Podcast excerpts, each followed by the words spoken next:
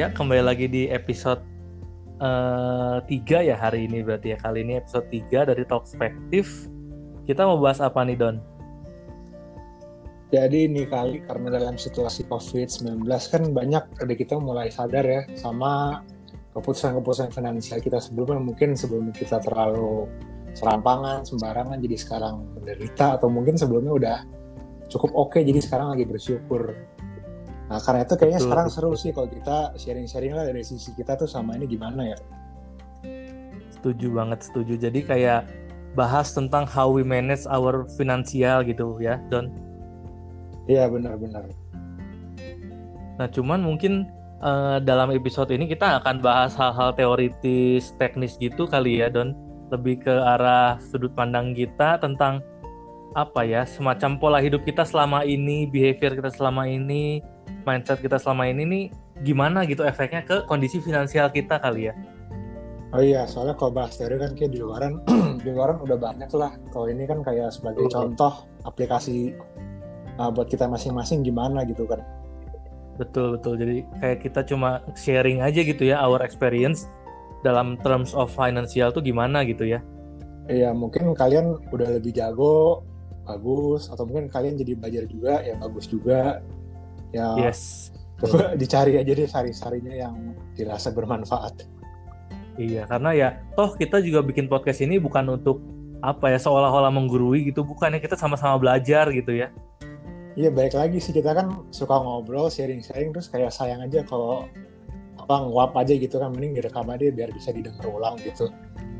Betul betul banget. Terus juga kan beberapa pendengar yang mungkin mostly teman-teman kita juga kan jadinya setelah dengar podcast ini jadi kontak lagi, jadi sama-sama belajar lagi. Jadi ya intinya sih sama-sama belajar kali ya. Iya benar sih di sharing-sharing sama-sama win-win lah jadi. Yes, betul betul betul betul. Nah kita mau mulai dari mana nih topiknya nih? Topiknya cuma dari lemor dulu kan kayak dari kemarin udah berapi-api banget nih mau ngebahasnya. Bukan berapi-api kali ya selama ini unek-unek ini ada, cuman penyampaiannya pernah sih sedikit-sedikit disampaikan di Instagram gitu lewat sharing stories, cuman kayak nggak belum keluar semua aja gitu. Oke, berarti sekarang mau keluar poll. ya boleh deh, boleh deh. Dari saya dulu lagi deh Don ya. Yes.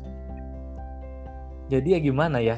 Uh, finansial tuh, eh sorry yang mau dibahas di sini kan kita mengelola keuangan ya.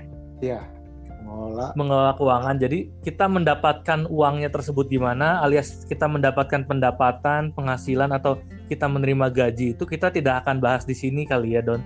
Yes, hanya sebatas mengelolanya, betul. pengeluarannya, ya, betul. tak menabungnya. Betul. Nah, makanya kalau gitu kita ceritanya dari mengelola uangnya tersebut. Nah, kalau gue pribadi nih, itu kan uh, eh, gue usaha sendiri awalnya waktu itu maksudnya entrepreneur sama hmm. pacar gue waktu itu yang sekarang menjadi tunangan gue. Wede. itu tahun 2015 dan waktu masih kuliah juga. Uh, waktu baru bagi-bagi stiker. iya betul. terus nah, terus. itu uh, apa ya? Kan tahun 2000, 2015 tuh. Jadi dalam range waktu tahun pertama 2015 sampai 2016 tuh prinsip gua untuk mengelola keuangan tuh hanya prinsip sehemat-hematnya gitu. Berarti pokoknya pengeluaran di kecil gitu ya? Iya, betul.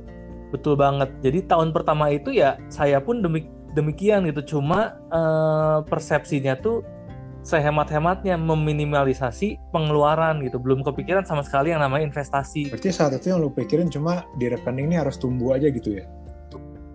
Yes, betul banget. Jadi uh, aliran dana masuk ada, tapi aliran dana keluar tuh se, se sedikit mungkin gitu, terutama untuk kebutuhan-kebutuhan ya yang tersier sifatnya gitu. Oke, berarti sesudah itu kan ada peralihannya dong. Betul. Nah, cuman ya di tahun pertama itu juga nggak gampang gitu. Ternyata untuk kita maintain our konsistensi di uh, meminimalisasi pengeluaran tuh nggak gampang memang. Karena ya banyak godaan ah. namanya juga. Iya kan? Banyak godaan banget apalagi kan kondisinya kita waktu itu uh, gimana ya orang yang sebelumnya belum bisa menghasilkan tiba-tiba bisa menghasilkan atau dia tiba-tiba bisa dapat gaji seolah-olah ingin wah ini gue akhirnya bisa make money nih gue pengen beli ini beli ini beli ini itu wajar kan? Iya pengen ada apa selebrasi gitu ya? Iya seolah-olah reward gitu. Padahal ya boleh sih reward cuman ya ada batasannya kali ya. Ya reward cukup sekali aja gitu ya jangan tiap bulan jadi reward juga ya Iya betul. Jadi itu bisa bisa bahaya tuh arahnya. eh, jangan-jangan kita apa ya desire kita in, apa ya namanya kompulsif ya kompulsif. Uh-huh. Kita pengen berbelanja A dalam hati ah udah deh kita belanja A ini sebagai reward aja kalau gitu. Jadi kita nggak merasa bersalah dalam hati kita gitu itu jadi bahaya sih sebenarnya ya atau enggak setannya kita mikir wah dengan apa dengan sebulan aja gue bisa dapet A nih berarti bulan depan bisa lagi dong dapet nih. Gitu ya? Nah betul. Itu greedy kali ya masuknya ke arah greedy ya. E, e, apa ya maruk gitu. Maruk ya serakah serakah. Serakah. Nah jadi awalnya sama sih jadi tahun-tahun pertama begitu. Tetap ada struggle untuk ayo dong kita dites nih konsistensi kita konsis konsisten nggak nih bisa tetap meminimalisasi pengeluaran gitu itu tahun-tahun pertama hmm. nah tahun selanjutnya kalau nggak salah 2016 pertengahan atau 2007 2016 akhir tuh mulai kenal sama yang namanya reksadana don nah reksadana itu karena dulu di kampus tuh ada seminar tentang itu seminar oh tentang ya? reksadana ya? Pernah, pernah ada. Itu kalau dulu itu yang bawain uh, dari Sekuritas Manulife. Oh, kok gue bisa nggak tahu dulu. Ah, oke oke, terus terus. Wah, mungkin dulu lu belum melek uh, itu kali belum melek saham kali kalau nggak salah tahun. Atau lu mulai saham kapan sih Dan? Gue mulai 2000, 2016. Belum berarti ya. Hmm. Itu 2016 pertengahan sih kalau saya nggak salah. Eh kalau gue nggak salah ingat. Gue mulai saham 2016 Oktober tuh ingat banget. Ah ya mungkin telat beberapa bulan kali itu. Oke oke. Okay. Nah ya pokoknya dari dari seminar itulah ya seminar di kampus itu tentang reksadana. Nah lalu setelah seminar itu eh, pihak sekuritas tersebut ngajak Ayu yang mau memulai langkah pertama untuk investasi di reksadana boleh ketemu lagi untuk lebih lanjut. Oh, jadi dari situ kenapa lu langsung masuknya Manulife? Iya betul banget, oh, betul banget Don. Gue pikir lu modal kan lu baca juga apa info Vesta gitu ya? Iya betul betul. Oh masih ingat lu Don. Iya dulu gue suka baca-baca. Emang gue dari pertama kali bisnis tuh suka baca ya entah itu artikel bisnis, artikel ekonomi, sekedar berita-berita gue selalu pantau sih dari 2015 itu.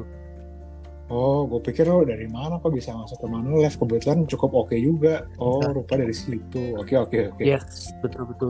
Uh, jadi ya thanks God juga sih ternyata ini sekuritas until this day performance-nya oke okay sih. Memang nggak bagus-bagus banget, cenderung konservatif lah, cenderung aman lah. Cuma kan nggak nyampe masuk berita gitu kan yang nasabah demo. Iya betul-betul kan karena akhir-akhir ini kan Jiwasraya case yang segede apa ya mega mega kasus itu kan ngeseret banyak sekuritas ya ter, ter, yang sekuritas ternama juga banyak kena ya. Iya kaget juga. Iya. Terus habis. Nah ya terlepas dari itu. Nah habis iya. reksadana lanjut terusnya. Nah itu kan uh, di akhir seminar tuh kan kita ketemu tuh sama agent-agentnya pak Edon. Hmm. nah di situ ya saya sama Grace tunangan saya itu udah komitmen bahwasanya kita akan ngambil langkah pertama investasi ini untuk uh, masa depan kita gitu. Berarti kayak apa next step sudah gedein rekening deh gitu ya?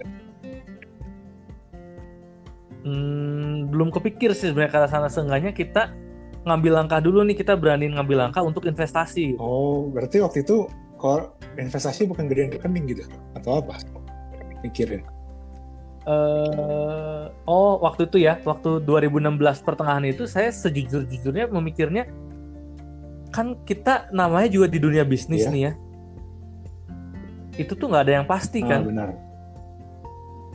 nah karena nggak ada yang pasti saya dulu mikirin di itu tahun kedua berarti tahun kedua saya berbisnis sama si Grace tuh saya mikirnya gini eh uh, kita tuh nggak bisa kerja terus setiap hari sampai tua nanti untuk dapat uang untuk kita bisa living gitu. Oh, berarti ini tujuannya buat duit pensiun gitu ya?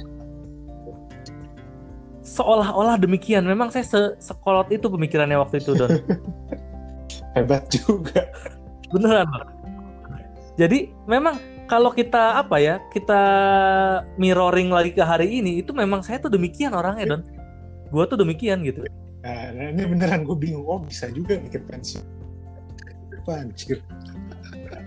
Iya, iya. Gue gua jujur banget mikirnya ke arah sana. Karena sampai hari ini tuh ada beberapa instrumen investasi yang gue nggak pernah usik gitu. Oh, oke. Ini seru loh. Terus, terus gimana? Iya ini jujur loh, gue baru nyadar gitu karena emang gue tuh seperti itu orangnya gitu. Nah, biasanya kalau baca-baca case-case di apa sosial media gitu kan justru dana pensiun apa yang diabaikan gitu kan.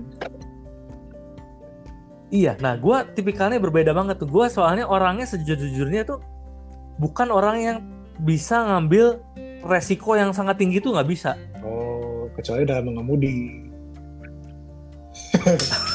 itu beda topik ya. itu beda topik. nah, betul. Nah, jadi yang reksadana itu tuh kan ditanya tuh sama ini jadi kita apa uh, cerita aja pengalaman reksadana tuh gimana sih ya? Iya. Nah, yang reksadana tuh ditanya uh, dulu kan dipanggilnya kakak ya ke saya ngomong kakak gimana uh, ininya uh, aduh namanya apa ya? Tujuannya, tujuan investasi. Nah, tujuannya atau apa ya enggak? Dia nanya, saya tuh tip, gua tuh tipikalnya gimana oh, gitu.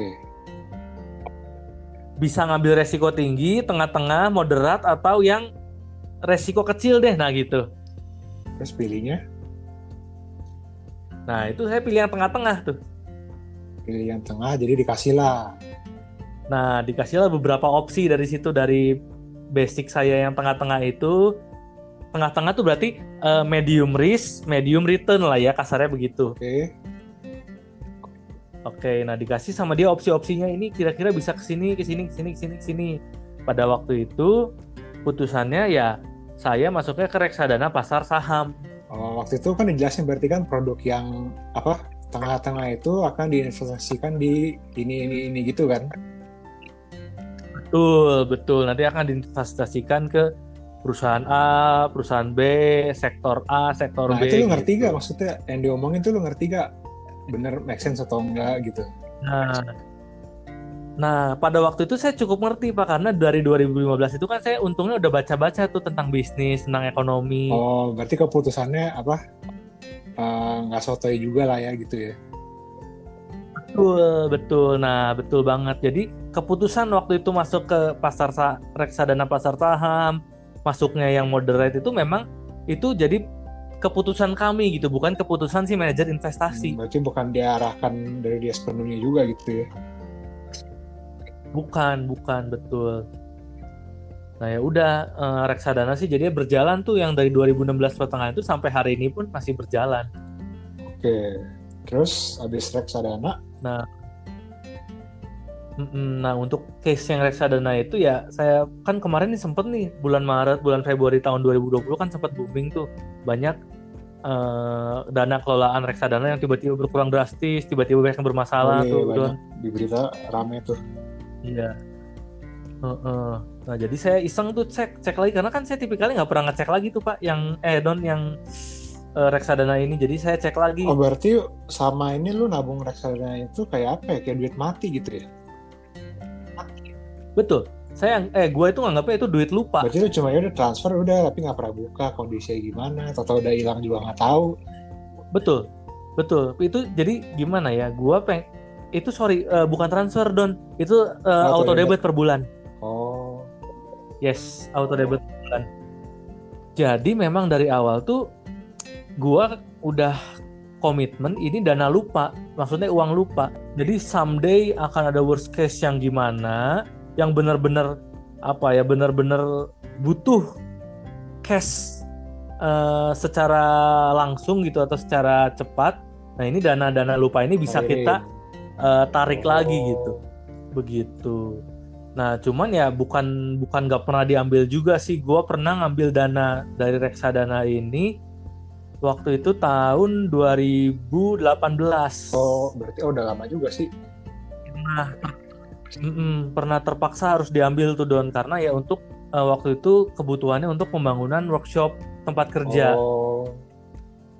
Berarti baru apa ya? Rasa manfaatnya ter- juga ya. jadi ya betul banget Don, betul banget, betul banget. Soalnya kalau nggak di komitmen auto debit per bulan, kita tuh kadang ya itu dia ada godaan-godaan setan yang uang kita akhirnya ke mana ke mana ke mana gitu loh. Jadi kadang-kadang ngelihat apa ngelihat belanja ngeliat apa barang-barang mahal terus lihat rekening wah cukup nih Iya, itu kan bahaya banget ya sebenarnya. berarti lo bebas dari godaan-godaan kayak gitu ya Eh, sejauh ini sih iya, karena saya mas, karena gue masih bisa komit ke planning finansial gua gitu. oke berarti oh berarti sebelumnya juga lo udah siapin planning juga nih finansial mau dibawa ke mana gitu ya Betul, betul. Kalau itu sih iya. Jadi dari awal memang, memang, memang nggak nggak konkret gimana ya, nggak konkret hitam di atas putih. Gua nulis A B C D E financial planning tahun A, tahun B, tahun C enggak gitu. Tapi secara mindset lagi-lagi, Don. Oh. Berarti mindset itu kan yang menentukan apa lo mau mau greedy atau enggak lo mau saving atau enggak gitu ya? Betul banget, betul banget. Karena ya kuncinya sebenarnya di diri kita sendiri apa pun yang kita lakukan termasuk financial plan gitu. ini ini seru loh soalnya kan biasanya kebanyakan dari kita kalau hal-hal yang kita yang enggak kita tulis akan jadi nguap lupa gitu aja kan. Akan jadi nguap lupa gitu aja. apalagi untuk masalah mengelola pengeluaran kita kan sering kita tergoda wah diskon nih cashback berapa persen? Diskon berapa? Kita kan jadi ah yaudah deh akhirnya lulu Betul, betul, betul. Nah, makanya itu sih pentingnya suatu pendirian dalam diri kita sih itu sih menurut gua. oh ini menarik loh. Berarti kan untuk seseorang di umur lu kayak jarang sih yang bisa begitu ya. Iya, karena memang kalau kita nanti bahas di topik-topik episode selanjutnya memang eh, umur jiwa gua tuh tua, Don. oh anjir ada umur jiwa ada umur apa lagi Nanti makanya banyak itu itu itu itulah Oke, different save topic. it, save it. oke Save it, save it, yes. Nah, go on lalu nah itu kan reksadana pernah kepake tuh 2018. Memang setelah itu gua tetap tetap di auto debit, cuman gua nggak pernah tarik-tarik lagi tuh. Nah, dari yang reksadana itu setelah reksadana itu kan 2016 pertengahan. Kalau dari gua sih setelah itu masuk ke insurance tuh, Don. Insurance. Oke. Iya, asuransi kesehatan. Karena kalau asuransi jiwa sih dari parents udah ada dari nyokap bokap udah ngebikinin untuk asuransi jiwa. Yang belum kan asuransi kesehatan. Oh, berarti lu beli asuransi itu untuk Nah, jadi eh, latar belakang gua bikin asuransi kesehatan tuh gua kembali lagi gua mikirnya someday nih in the future yang kita nggak bisa predik, yang kita nggak bisa tahu. Gua tuh nggak mau ngerepotin kedua belah orang tua gua gitu. Oke. Nah, jadi ya gue bikinlah asuransi kesehatan itu kalau nggak salah 2016 akhir deh, Desember. Oh, berarti bikin reksadana dulu baru bikin uh, asuransi dulu ya. Iya, kalau saya sih gitu. Cuman gini loh, kalau secara teori bagusnya mana dulu mana dulu gue nggak ngerti sejujurnya itu sih. Kalau pengalaman gue begitu gitu. Kebetulan ya semesta ini mengizinkannya kejadiannya demikian. Hmm. Nah, berarti waktu milih asuransi itu keputusannya gimana? Orang mau asuransi kesehatan yang begini begitu? Nah, jujur sejujur-jujurnya, waktu itu gue beneran nggak tahu sama sekali asuransi kesehatan, asuransi itu gimana gitu. Ini sejujur-jujurnya ya.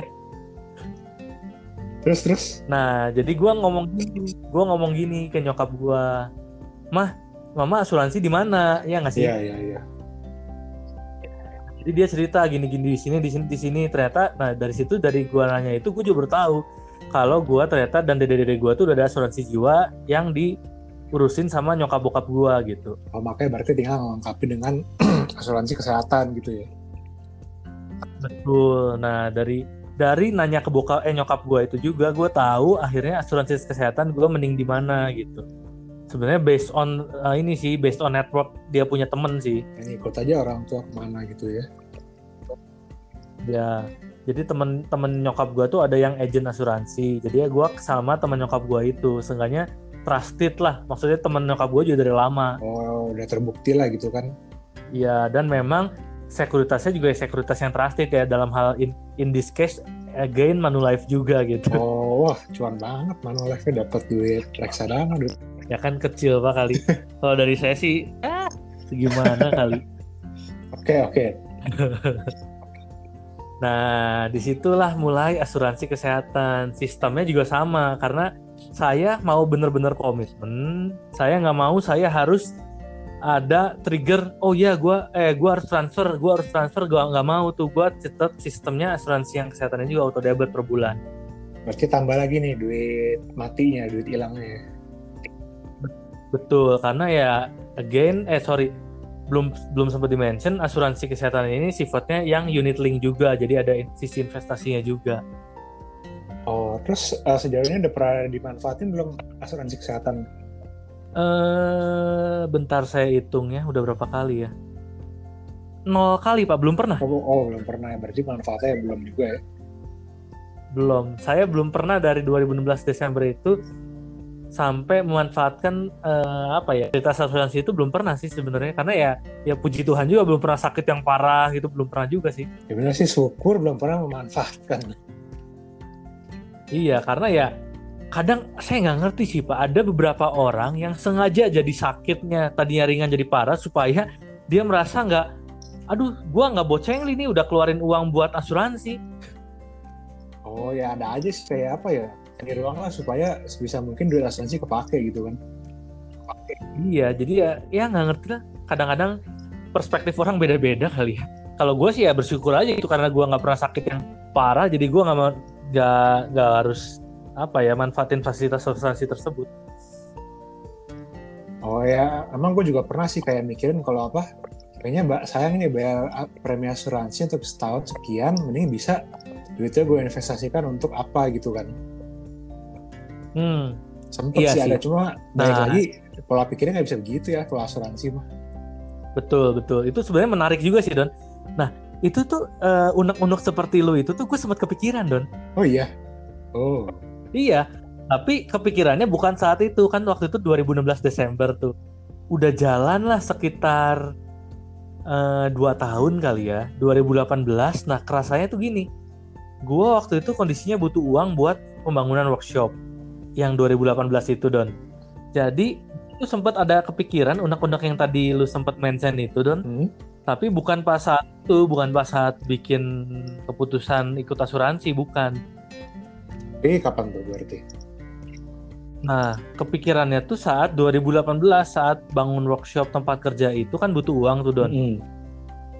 Nah, kan pada akhirnya ya akhirnya mencairkan sebagian besar reksadana eh, saham itu kan reksadana pasar saham itu. Yeah. Dan ya tetap sebagian di rekening tabungan biasa, tabungan di bank biasa. Mm. Nah, cuman kepikiran kenapa ya? Gua kok udah dua tahun di auto debit tiap bulan ke hal yang gua nggak gua nggak rasakan manfaatnya. Kebayang nggak? mulai berasa rugi nih gitu ya? Iya, seolah-olah demikian itu. Kayak ada ada regret gitu. Gue sempat ngalamin hal tersebut 2012. Gue, duh ini gue uh, kok kayak regret ya.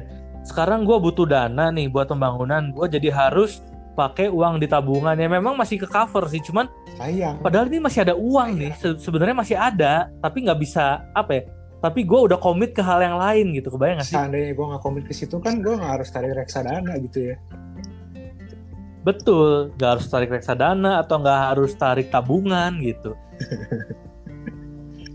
Pada poin itu gue sempat sih bergumul dalam hal duh gue menyesal nggak ya? Misalnya tahun itu kebetulan yang uh, tunangan gue juga udah dibikinin uh, asuransi kesehatan juga don. Oh, oh berarti lu, oh gue kira lu langsung bikin berdua sendiri sendiri ya? Enggak, sendiri. enggak karena waktu itu gue nggak bisa tuh kalau langsung berdua, hmm. uh, belum mampu, belum sanggup rasanya untuk di auto debit per bulannya. Uh, kalau barang tunangan gue, jadi waktu Desember 2016 tuh baru gue aja don. Oh, Oke, okay. paham. Nah, kalau tunangan gue sendiri, asuransi kesehatan gue bikinin tuh tahun tahun berikutnya 2017 pertengahan kalau nggak salah. Mm-hmm. Nah, gitu. Jadi sempat bergumul juga sih ya pada akhirnya uh, berapa bulan kemudian setelah pergumulan itu ya gue ngerti sih instrumen instrumen keuangan kan beda-beda. Mm-hmm. Perbedaan instrumen ini kan ada tujuannya masing-masing iya, kan. Ya, ya jadi akhirnya gue akhirnya realize gitu akhirnya gue sadar ya lu udah membuat suatu keputusan ya konsekuensinya lu tanggung gitu. Berarti ya terusin aja nih bukan berarti membuat keputusan lalu menyesal lalu ingin apa ya? Can cancel lah gitu iya enggak betul. juga ya. enggak betul. Jadi gue kayak beberapa bulan itu kemudian disadarkan gitu kalau instrumen instrumen keuangan kan beda-beda.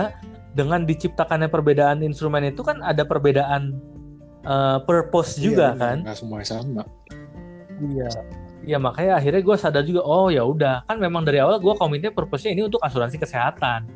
Jangan tiba-tiba kita butuh uang lalu kita mendumel sendiri kenapa kenapa ini kenapa ini kenapa ini nggak boleh gitu. oh, pasti ya dipahamin dulu berarti kan ini eh, apa guna instrumennya apa ya terus dijalanin aja gitu kan Yes betul banget akhirnya gue sadar sih untungnya sadar ke arah sana waktu itu. oh, hampir cancel berarti ya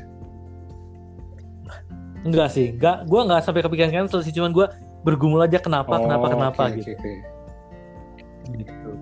Nah, by the way kan si Grace tunangan gua kan bikin asuransi kesehatan juga 2017 Oh. tuh. Nah, waktu itu lumayan tuh karena 2000 sorry.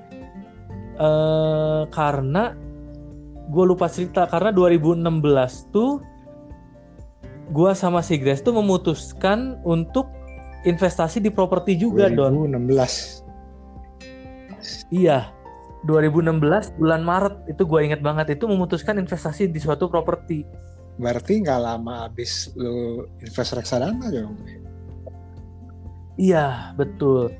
Makanya kenapa saat 2016 akhir itu gue tetap mutusin asuransi kesehatan tuh buat gue dulu. Karena kalau sama buat Grace juga tuh nggak sanggup perputaran uangnya gitu, cash flow-nya nggak sanggup. Oh, berarti cepet juga nih kan habis reksadana asuransi. Habis itu langsung investasi properti.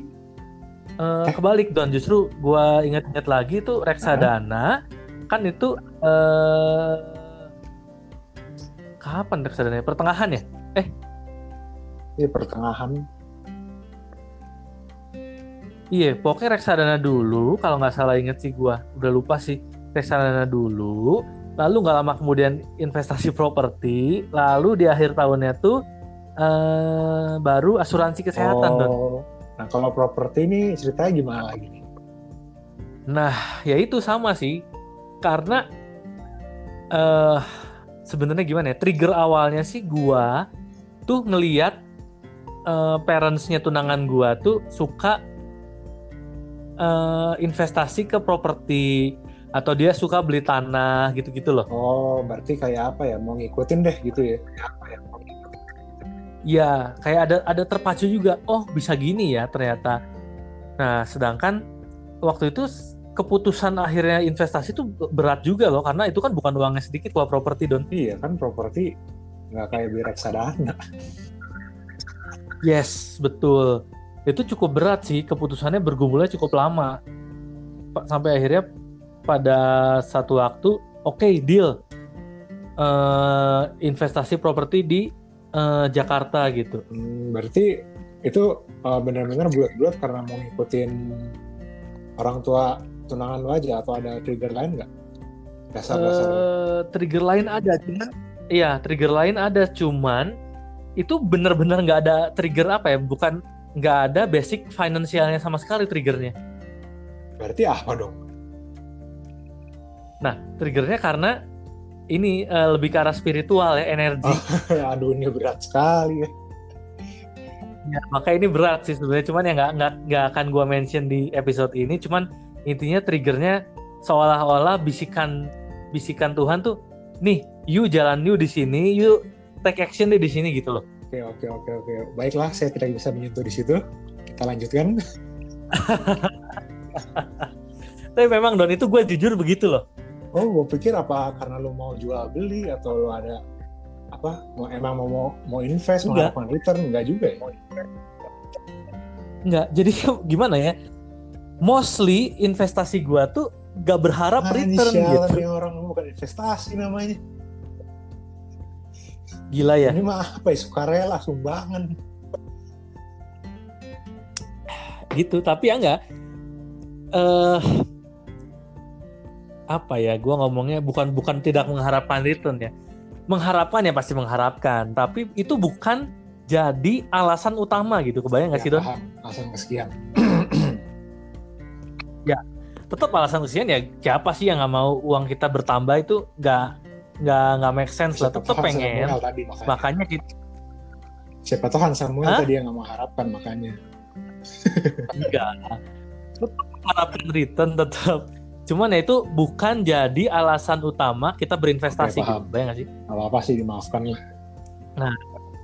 Iya, jadi karena alasan gua pertama investasi tuh lebih ke arah gimana caranya dari sedini mungkin, se- semudah mungkin kita, sewaktu kita masih benar-benar sehat, masih bisa kerja keras, kita tuh eh, nabung aset, nabung instrumen investasi di masa depan itu. Itu kebayang sih.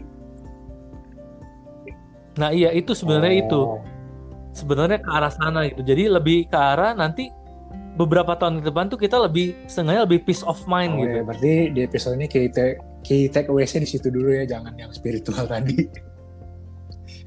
Iya jangan jangan. Itu kalau trigger kan lu tadi nanya trigger kan trigger Oh, iya, spiritual, trigger itu ya jangan lah jangan Oke, kita bahas oke, deh. Nah iya jadi ya, nah itu eh, di 2016 gue lupa tuh ada investasi properti juga. Itu juga sama sistemnya. Oh enggak, itu nggak bisa karena itu kan sistemnya cicilan ke Ah. developernya tuh Don. Nah ini ada yang lucu juga kalau lo mungkin juga belum tahu sih Don. Eh itu tuh eh sebenarnya dari pihak developer tuh mensarankan cicilan tersebut lima tahun Don. Oke, Oke, misal nih ya kita ngambil permisalan. Nominalnya sih nggak segini, cuman gue ngomong misal gini. Nominalnya 400 juta nih harga Ya. propertinya nih Don. Oke, sorry. In this case ini apartemen ya, bukan rumah ini landed house apartemen ya. bernilai 400 juta. Misalkan, oh iya. Misalkan begitu ya. Iya, misalkan 400 juta nominalnya misalkan 400 juta. Nah, si 400 juta ini dengan DP sekian itu sisanya tuh developer saranin sih dicicil selama lima tahun Ah. kok, cenah. Nah, cuman gua tuh eh memutuskan untuk dicicilnya selama Oh, dua tahun. Kurang ajar ini berarti. Kebayang nggak? Bayang nggak? Itu kan sebenarnya buat buat sisi gua sebagai pembeli, sebagai pencicil tuh nggak ada Ini keuntungannya lebih- sama lebih sekali. berdarah-darah nyicilnya. Iya, betul kan lebih berdarah-darah dari pihak developer lebih senang karena dia dapat uang sejumlah itu dengan lebih Iya, cepat tiga tahun. tahun Bayang nggak? bulat selesai. Gila kan? Itu sebenarnya di sisi gua nggak ada untungnya sama sekali. Betul. Nah, triggernya apa lagi-lagi? Triggernya itu spiritual lagi atau bisikan-bisikan lagi itu. Gila kan? Lu nggak tahu gua ya Don ya? tahu masalah yang cicilan ini. Gue nggak tahu. Gue cuma tahu oh nyicilnya segini. Ya udah. Nah itu gara-gara itu karena gue sempat dibisikin gitu. Karena gue sempat mendapat ya gini lah. Sempat dibisikin tuh kayaknya terlalu mistis kali ya. Gue sempat mendapat suatu pencerahan Ya, gitu lah ya. Pencerahan. Ya kalau lu tetap cicil lima tahun itu di tahun dua tahun terakhir lu akan susah. Oh. Oke. Kebayang gak sih? Itu 2016 don. Berarti dua tahun terakhir itu berarti 2020 dan 2021. Ya. Eh berarti Dan kalau kita berarti nggak nggak meleset Iya. dong kalau dibilang dua tahun terakhir akan susah kan sekarang lagi susah juga. yes betul banget. Bayangin tuh dan 2019 pertengahan tuh udah Iya, mulai iya, perang mulai dagang rame. kan. Mulai rame, ekonomi mulai goncang, akhir tahun ekonomi mulai kolaps. Tahun ini lebih gila lagi. Tahun depan who knows gitu. Anjir. Itu. Jadi gua kayak merasa wow gitu ya. BTW kan berarti itu gara-gara 2 tahun cicilan gua tuh beres 2018 Iya, Don. 2018 beres. Iya. Nah, begitu memasuki 2019, setahun setelah cicilan itu beres, gue langsung kepikir, wow, 2019 ekonomi mulai turun ya. 2020 tahun ini makin gila. Ternyata gue jadi thanks God juga gitu. Gue cicilannya udah beres dari Oh, kapan berarti hari gitu. aja gue sih? ambil dua tahun gitu kan. Iya, jadi kenapa ya? Banyak keputusan-keputusan finansial gue tuh karena komunikasi gue dengan Tuhan gitu. Itulah intinya. Oh menarik sih berarti sama ini kalau bisa dibilangnya kayak lu masuk reksadana, asuransi atau lu beli properti ini bukan hasil ya, buku belajar di mana, dengerin siapa? Bukan.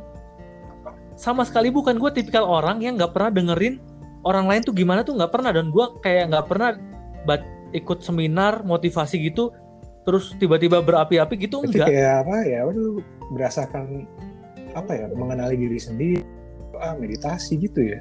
betul betul banget betul banget itu Itu sih kayak apa ya? poinnya. Mencari ke dalam gitu ya, bukan mencari dari luar gitu.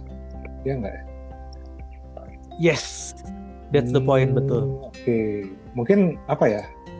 makanya Hmm. karena buat gua Ya lanjut lanjut. Iya.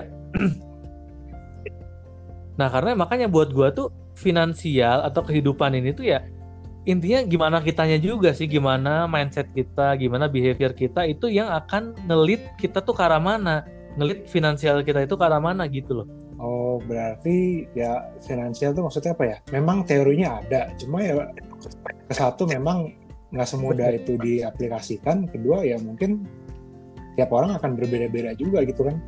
yes betul betul ya tapi gini terlepas dari eh, apa ya keputusan-keputusan yang sedikit banyak didominasi apa ya sisi spiritual don nah cuman tetap kan karena gua juga memang hobi baca berita bisnis ekonomi ya gua tetap walaupun ada eh, dari sisi itu gue tetap cross check ini perusahaan gimana ini perusahaan eh, developernya gimana developernya siapa Oh, Gitu ya loh. berarti berimbang lah maksudnya eh, nggak murni spiritual ada hal-hal duniawi yang lu pikirin juga, lu telisik juga gitu kan. Betul, betul. Jadi ya memang sebelum kita ngambil waktu itu sebelum gua dan Grace itu ngambil keputusan investment di properti 2016 itu gua tetap sebelumnya tanya-tanya, tanya-tanya ke nyokap bokapnya si Grace, tanya-tanya ke nyokap bokap gua ini gimana ya legalitasnya kan kebetulan Iya. nyokap gua notaris dan kebetulan bokap gua kontraktor kan. Jadi ya gua nanya ini developer ini gimana nih sebelumnya eh, history recordnya oh, gitu loh. berarti tadi nggak semudah itu juga ya. Betul, betul. Jadi ya tetap ada banyak cross check cross check dari beragam aspek yang gua cek Oh. gitu. Ya thanks God until this day ya ini ini perusahaan, ini properti nggak bermasalah, malah in a good track lah I I thought gitu. Oke, oke, berarti ya nggak semua dapat bisikan juga lah. Abis dapat bisikan, actionnya gimana nih gitu kan? Yes. Kita mau langsung bener-bener denger bisikan lalu action itu agak-agak risky ya untuk uang segitu buat gua gitu. Kebayang gak sih? Iya, oh, oke. Padahal kan kita apa ya? Ya kayak gue aja deh karena suka ngarep tiba-tiba dapat satu bisikan lah, satu ilham lah, satu petunjuk lah yang untuk sebagai jawaban satu permasalahan yang instan gitu loh. Ternyata nggak gitu juga ya. Yes, enggak. Karena gua memang tipikal orangnya yang nggak bisa instan gitu dan Oke, paham ngerti. jadi mm-mm, jadi gue tetap saat itu gue tetap cross check cross checknya gini eh oh iya gilanya ini gue beli ini juga entah keberuntungan atau enggak gue tuh dapet kan ini gue nggak nggak ketemu gue nggak lihat langsung fisiknya don Maksudnya ngeliat langsung fisik apa ya? Kan waktu itu 2016 tuh eh gue eh itu sorry itu loka, property located Iya. in Jakarta kan nah itu gue sama sekali nggak ke Jakarta nggak ke kantor marketingnya juga enggak Berarti ada salesnya gitu yang di Bandung. betul nggak nggak di Bandung salesnya juga di Jakarta gue kontak by WhatsApp don Sebentar, berarti ah, untuk lu kontak di WhatsApp lu ketemu di pameran atau di mana dong? Nah gini, gue buka website, eh gue buka-buka di Google, oke? Oke. And then gue masuk ke uh, website itu punya uh, website resminya itu properti. terus Di situ ada beragam list Iya. agent-agent kan. Nah, gue akhirnya pilih si agent ini. pilih terus langsung transaksi gitu. Pilih, eh, sebentar. Ah sorry. Nah, pilih ke eh, namanya siapa ya? Mr. I lah, gue ngomong Ya, Mr. Mr. I. I. Nah, gue pilih Mr. I ini, lalu gue mulailah nanya-nanya detailnya tentang unit-unit yang mau dipilih yang mana, ketersediaannya yang mana, lalu milih, eh bukan milih, gue minta dijelasin ini prospek ke depannya gimana, ini locatednya eh ref- comparison to the other tower, ini benefitnya apa, Oh, gitu-gitu loh. lah sama si Mr. I. Yes, in- intinya konsultasi lah tentang prospek ke depannya. lokasi tower ini dibanding tower lain, keunggulan tower ini dibanding tower lain, nah gitu gitulah. Sama si misteri ini dijelasin secara oke banget. Gue merasa bersyukur waktu itu akhirnya milih agent ini. Pa- Pas banget gitu ya. Iya, entah kenapa eh frekuensinya tuh nyambung gitu. Ya gue gak ngerti sih agent-agent lain gimana karena gue toh cuma nyoba satu Soalnya ini gitu. prosesnya mulus deh, lancar gitu ya. Yes, betul, betul. Orangnya cengli lah gitu. Eh, nah lalu eh, milihlah unit. Kok ini kata dia, kok eh, mau milih unit yang mana gitu. Heeh. Nah ya lalu gue pilihlah unit unit yang gue pilih itu juga based on Ya, spiritual. skip dulu. Ya, jadi ya kalau misalkan gak ngerti spiritual itu gimana ya maksudnya based on Hong Shui, Feng Shui, our Ya, energy gitulah ya.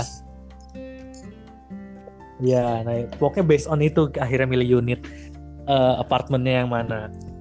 Nah, eh setelah itu baru eh kita kontak-kontaknya tuh via ini, via JNE pos gitu. Jadi dia sama dia dikirimin tuh eh, dan surat-suratnya, surat menyurat kita jadi by ekspedisi online, eh ekspedisi ini aja JNE gitu. Oh, urusan legal gitu ya udah by JNE gitu aja ya? Berarti Ya. belum nggak ada tatap Betul muka? banget. Sampai Nggak ada. mulai nyicil tuh nggak ada? Sampai hari ini Don gue belum pernah ketemu wah. orang yang mana. Kan Sumpah. udah- anjir. Berarti kan udah lunas dong dan udah serah terima dong. Gila kan? Nah, oke deh kita kita langsung move on ke Oke. 2018 saat lunas lah ya. Nah, saat lunas tuh ada Hmm. beberapa tahap. Eh, terakhir kita datang langsung ke kantor Hmm. marketing office-nya untuk ngambil bukti-bukti pembayaran Ya. kita. Bukti-bukti pembayaran kita dari sisi developer maksudnya kayak apa ya kwitansi gitu loh. Nih si developer nih udah dapat sekian sekian juta Ah, dari udah saya gitu. pelunasan gitu kan. Kasarnya demikian. Nah udah tuh datang oke ngambil bukti pelunasan gitu. Eh gua sukanya tuh entah kenapa itu semuanya tuh sesuai oh, gitu. nggak ada konflik lah. Bener semua gitu.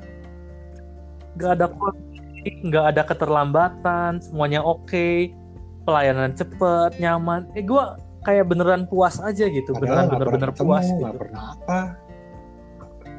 Iya, makanya gue kayak thanks God gitu loh, gue ketemu sama eh, agent yang beneran proper. Bisa beres semua gitu kan. A sampai Z nggak ada apa sih. Lancar Iya. lah. Mm-mm. Nah mem- memang sampai sekarang pun sampai 2020 pun gue tetap keep in contact sama si misteri ini via Oh. WhatsApp. Dia orangnya memang baik sih. Jadi ternyata orang ini memang karena beneran proper dan memang dia memang beneran bagus. Dia sekarang tuh salah satu eh, agent yang penjualan tuh paling paling hebat, paling Ya, wajar banyak. lah maksudnya dia yang handle customer kayak lu aja yang yang nggak pernah ketemu langsung bisa bener gitu kan Betul. Maksudnya udah mah nggak pernah ketemu langsung. Lalu dari segi nominal kan hanya apartemen biasa. Sedangkan dia kan bisa ngehandle suatu rumah landed house yang 350 meter persegi. Let's say itu kan nominalnya Oh iya berapa kali kan lipat gitu dan kebayang nggak sih? customer cereknya lah gitu ya bacehnya doang Iya iya. Jadi ya gue, jadi gue di satu sisi gue merasa dihargain gitu. Terlepas dari nominal transaksi kita, eh, treatment treatment pelayanannya itu sama Udah gitu, sama baiknya re- gitu. udah nominal yang receh jarak jauh repot mesti kirim surat aduh Iya. Tapi gitu. Makanya gue bersyukur untung banget sih ketemu dua orang. tahun bukan lima tahun ya kok kok Iya kan gini loh Don. Kalau misalkan pelunasan lima tahun ya Don. Lalu kondisi kondisi ekonomi yang let's say cukup parah tahun 2020 ini, itu kan kondisi yang se- seburuk ini kan bisa mempengaruhi pertama Iya, mempengaruhi perusahaannya, iya nggak sih? Lalu mempengaruhi Iya, iya, developernya, bayang nggak sih Don? Lalu bisa juga mempengaruhi mental agentnya Iya, ini juga tambahin.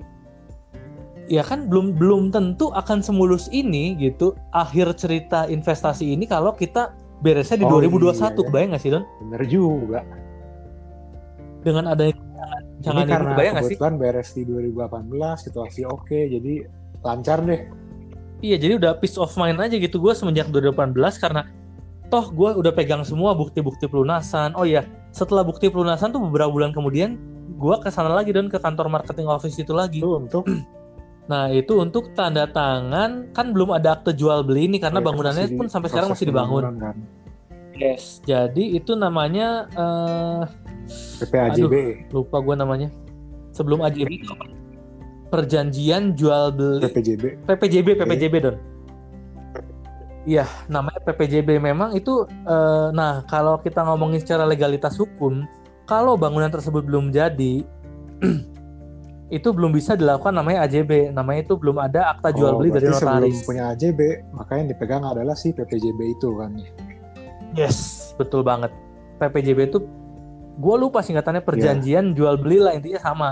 Cuman ini sebelum AJB. Ini PPJB ini tuh untuk beberapa gimana ya? Untuk mostly untuk mostly cases itu bisa kan diperjualbelikan. Don. sebagai kayak sertifikat yang sah gitu kan. Yes, sebagai bukti kepemilikan salah satu bukti kepemilikan Iya. yang sah akan suatu properti gitu.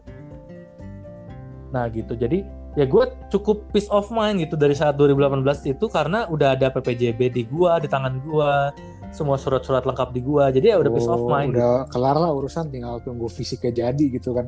Yes, betul. Ya terlepas nunggu fisiknya jadi juga itu tujuan gue ya kayak seolah-olah dana lupa lagi gitu dulu. Kebayang gak sih? Dan jangan lupa lagi, dan tiba-tiba eh ada apartemen. Iya gak sih? Jadi seolah-olah s- sounds funny gitu, cuman kayak gitu gitu. Tapi ya setelah di, kalau kita pikir-pikir Ya, lagi itu jadi peace of mind gak sih? Cuma maksudnya kadang kan nggak nggak semudah itu ya. Apalagi untuk orang seumur kita nih. Orang seumur kita udah selesai nyicil Iya. uh, sebuah properti senilai misalkan tadi 400 juta kan. Kan kalau kalau kita mikir lagi, gila nih, Mhm. gue udah punya 400 juta nih. Kan apa nggak cuma bawa gitu kan? Iya iya. Ya karena gini sih, itu makanya entah kenapa prinsip hidup kita, karakter kita tuh bisa ngerefleksi kita kalau berinvestasi itu segimana eh, khawatirnya, segimana Oh, greedy-nya iya, gitu loh. Kebayang gak sih Don? Ya iya iya. iya. Karena ya buat gue semua semua ini kehidupan ini kan cuma titipan ya gak sih? Enggak bener loh. Jadi ya gue kayak kayak peace of mind aja gitu ya terserah sih. Gue dalam hal ini misalkan kan gue nggak pernah ungkit nih ya. Gue kan orang-orang lain gitu Iya. misalkan dia entrepreneur nih ya. Terus dia dengan bangganya, wah nih gue umur sekian, umur 25 udah Iya, punya properti, udah punya apa itu kan banyak kan? Contoh motivasi. Iya kan? Iya, maksudnya gue nggak melakukan hal itu gitu waktu tahun 2018 berarti itu umur gue masih kalau mau masih umur Anjir, 21 don. Baru boleh minum bir tuh harusnya. Iya makanya gue kayak nggak nggak pernah juga gitu gue cerita ke orang-orang gue, oh gue punya ini gue nggak nggak pernah juga gitu. Ah gila. Ya karena buat gue semua juga titipan gitu ya makanya gue masih bisa dengan segitu relanya ngomong ya udah aja itu apartemen itu seolah-olah duit lupa gue gitu. Someday gue butuh ya udah gue pakai gitu. Kalau kita pikirin jadi kayak kita seolah-olah terkurung sama namanya Iya, iya, keuangan betul. kan? Ya jadi kayak kita ya bebas-bebas aja gitu. Kita ya bukan karena kita punya uang kita juga harus mengubah gaya hidup kita. Meningkat gitu ya? Enggak ya baju gue yang gue pakai ya sama-sama aja baju ini gitu. Berarti kalau gua perhatiin karena cara pikir lu itu lu nggak ada fear untuk kehilangan si ya masing-masing harta lu itu gitu kan. Ya nggak sih? nggak ada nggak ada sama sekali beneran Jadi karena nggak ada fear makanya untuk lu bilang ini duit lu pun ya it's okay. Ya lu tetap bisa Iya, aktivitas hari ke okay hari aja. gitu kan. Iya. Jadi ya tetap fokus gua hari ke hari sih ya tetap kerjaan itu, tetap untuk create cash flow yang in-nya loh. Ya tetap aja untuk create cash flow untuk growth perusahaan lu. Iya betul. Jadi uang yang ya kalau boleh dibilang uang atau aset yang selama ini kita kumpulin ya udah aja itu ya udah itu just just it gitu. Ya ini nih apa ya ini menarik banget loh karena kan artinya lu bisa memisahkan uh, pikiran lu eh memisahkan harta ini dalam pikiran lu kan dalam arti ada harta yang akan lu pusingin dan nggak lu pusingin. Betul. Nah dalam kasus ini berarti kan harta yang udah lu investasikan, yang udah lu kumpulkan, yang lu tabungin kan ya lu kayak ya udah aja gitu. Bukan yang tiap hari Iya. lu pikirin gitu kan. Bukan, bukan. Jadi ya memang gitu. Jadi gue sih apa ya makanya prinsip harta itu titipan tuh begitu sih Don. Maksudnya kita izinkan Tuhan untuk menikmati harta yang gini ya walaupun nggak banyak ya Don ya. Hmm. jadi tetap aja sih ya maksudnya seiring mungkin eh gimana ya seiring bertambahnya harta kita tidak harus serta merta juga kita gaya hidup kita tuh berubah gitu. Berarti kepemilikan beberapa instrumen itu nggak ada emosinya gitu loh. Uh, apa harta-harta yang lu kumpulkan itu ya nggak sih? Makanya lu nggak merasa takut nggak nggak musingin betul betul. Nggak sih gue beneran berusaha untuk seperti itu gitu Iya kan kan kalau misalnya kita karena kita takut maka kita mikirin terus dong. Kalau kita nggak mikir artinya ya sebaliknya kan. Betul betul banget. Berarti artinya kayak lu oke okay, kayak lu tahu lu udah menyiapkan ini itu tapi ya udah itu untuk tahu tapi untuk hari ke hari ya udah lu fokus yang di hari itu aja gitu kan. Yes betul. Tapi ya ini ah. boleh gimana ya ini nggak bisa 100% dicontoh juga buat orang lain gitu gimana ya kebayang maksudnya harus ditekankan juga kondisi gue yang sekarang maksudnya gak terlalu mikirin itu karena ya udah tenang juga dalam artian semua legalitas hukum udah gue pegang. Hmm. Ya sesudah Kebayang gak sih Don? Udah ada prosesnya kan untuk mencapai sini kan bukan karena tiba-tiba nah, wah. Betul betul. Jadi nggak bisa juga gini misalkan ada cases begitu dengar podcast ini orang lain akhirnya ikutan beli properti misalkan nih ya.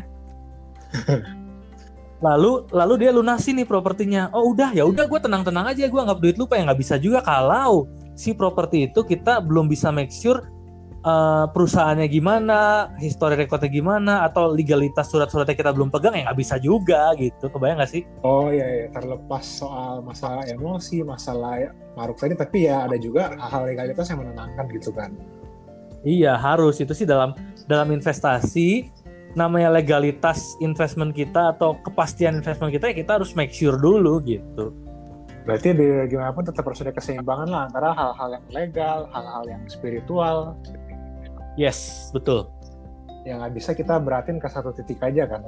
Kayak misalnya, ya, betul banget. wah saya yakin ini perusahaan pasti bagus, pasti prospektif, tapi kita hanya nggak nyaman ya nggak bisa juga gitu kan.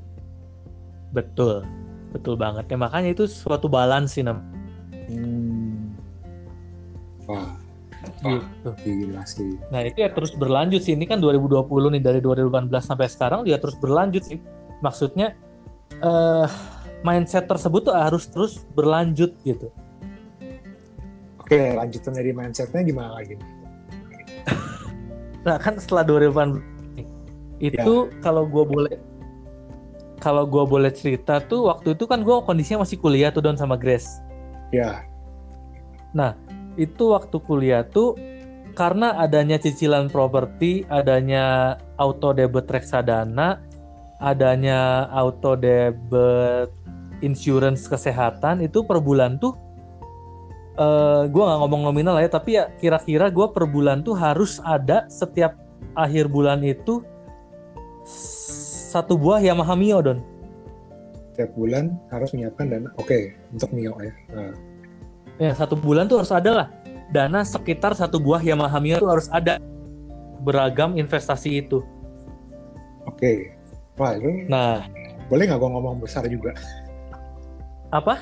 Boleh nggak gua ngomong besar juga untuk ukuran anak ya, kuliah? Iya besar kecil relatif lah ya. Nggak tahu sih gua. Oke nah, oke. Oke nah cuman gua kebantunya gini tahun 2018 awal tuh kan si Grace tuh tunangan gue kan bikin usaha juga kan rental baki Sangjit. Ah uh, ya si Bion. Ya si Bion Sangjit itu. Nah semenjak itu yang uh, insurance yang Grace sendiri itu ditanggung sama dia sendiri. Oh oke. Okay. Nah jadi per 2018 awal tuh setidaknya cicilan bulanan itu berkurang sedikit lah 10% lah kira-kiranya tapi lebih ringan nih bisa ada ruang lebih dong untuk apa gitu ya. Iya. Betul. Jadi mulai ada ruang lebih tuh per 2018 karena ada 10% yang akhirnya uh, udah mulai bisa nih ditanggung di res udah jadi responsibility-nya Grace gitu karena kan dia udah ngerintis usaha juga sendiri. Nah, setelah beres cicilan properti 2018 April kalau nggak salah ya. Nah, hmm. itu kan jadi bulan Mei 2018 tuh gue seolah-olah kayak jadi banyak uang kesannya kenapa karena jadi gue nggak bayar investasi properti itu kebayang gak sih don Iya, properti udah selesai. Properti kan udah selesai. Kelonggaran. Sedangkan yang masih ada auto debit kan tinggal reksadana sama insurance per iya. bulan Mei 2018. Jadi gue seolah-olah wah ini kok di tabungan kok nggak habis-habis oh ya gue baru ingat di April 2018 itu udah terakhir gue transfer untuk properti kebayang nggak sih Iya, yeah, ngerti ngerti. Itu tuh sejujurnya, gue itu jadi suatu bulan yang menakutkan buat gue Don. Karena tiba-tiba kok ada penumpukan dana segini nah, mau diapain nih? Itu gitu kan ya? sangat amat setan banget kan seolah-olah, wah ini impian gue modifikasi mobil apa-apa bisa terrealisasi dengan cepat, kebayang gak sih? Kita udah tiga tahun gak bisa uh, gimana ya kasar tiga tahun tuh kayak bener-bener hemat gitu ya ke mana-mana diusahain nggak pakai mobil tapi pakai motor supaya bensinnya hemat tapi segitunya loh don. Terus tiba-tiba udah udah selesai gitu lega. Iya tiba-tiba bulannya 2018 loh kok ini bisa doang sini? Nah, gue berpikir ini uh, eh, gue harus kemenain uangnya gitu supaya tetap produktif. Kebayang gak sih don? Oke jadi jangan sampai ini jadi apa foya-foya gitu kan? Betul betul. Nah makanya panjang eh singkat cerita 2019 tuh ada ada yang namanya pembangunan atau renovasi workshop wooden yang baru Don.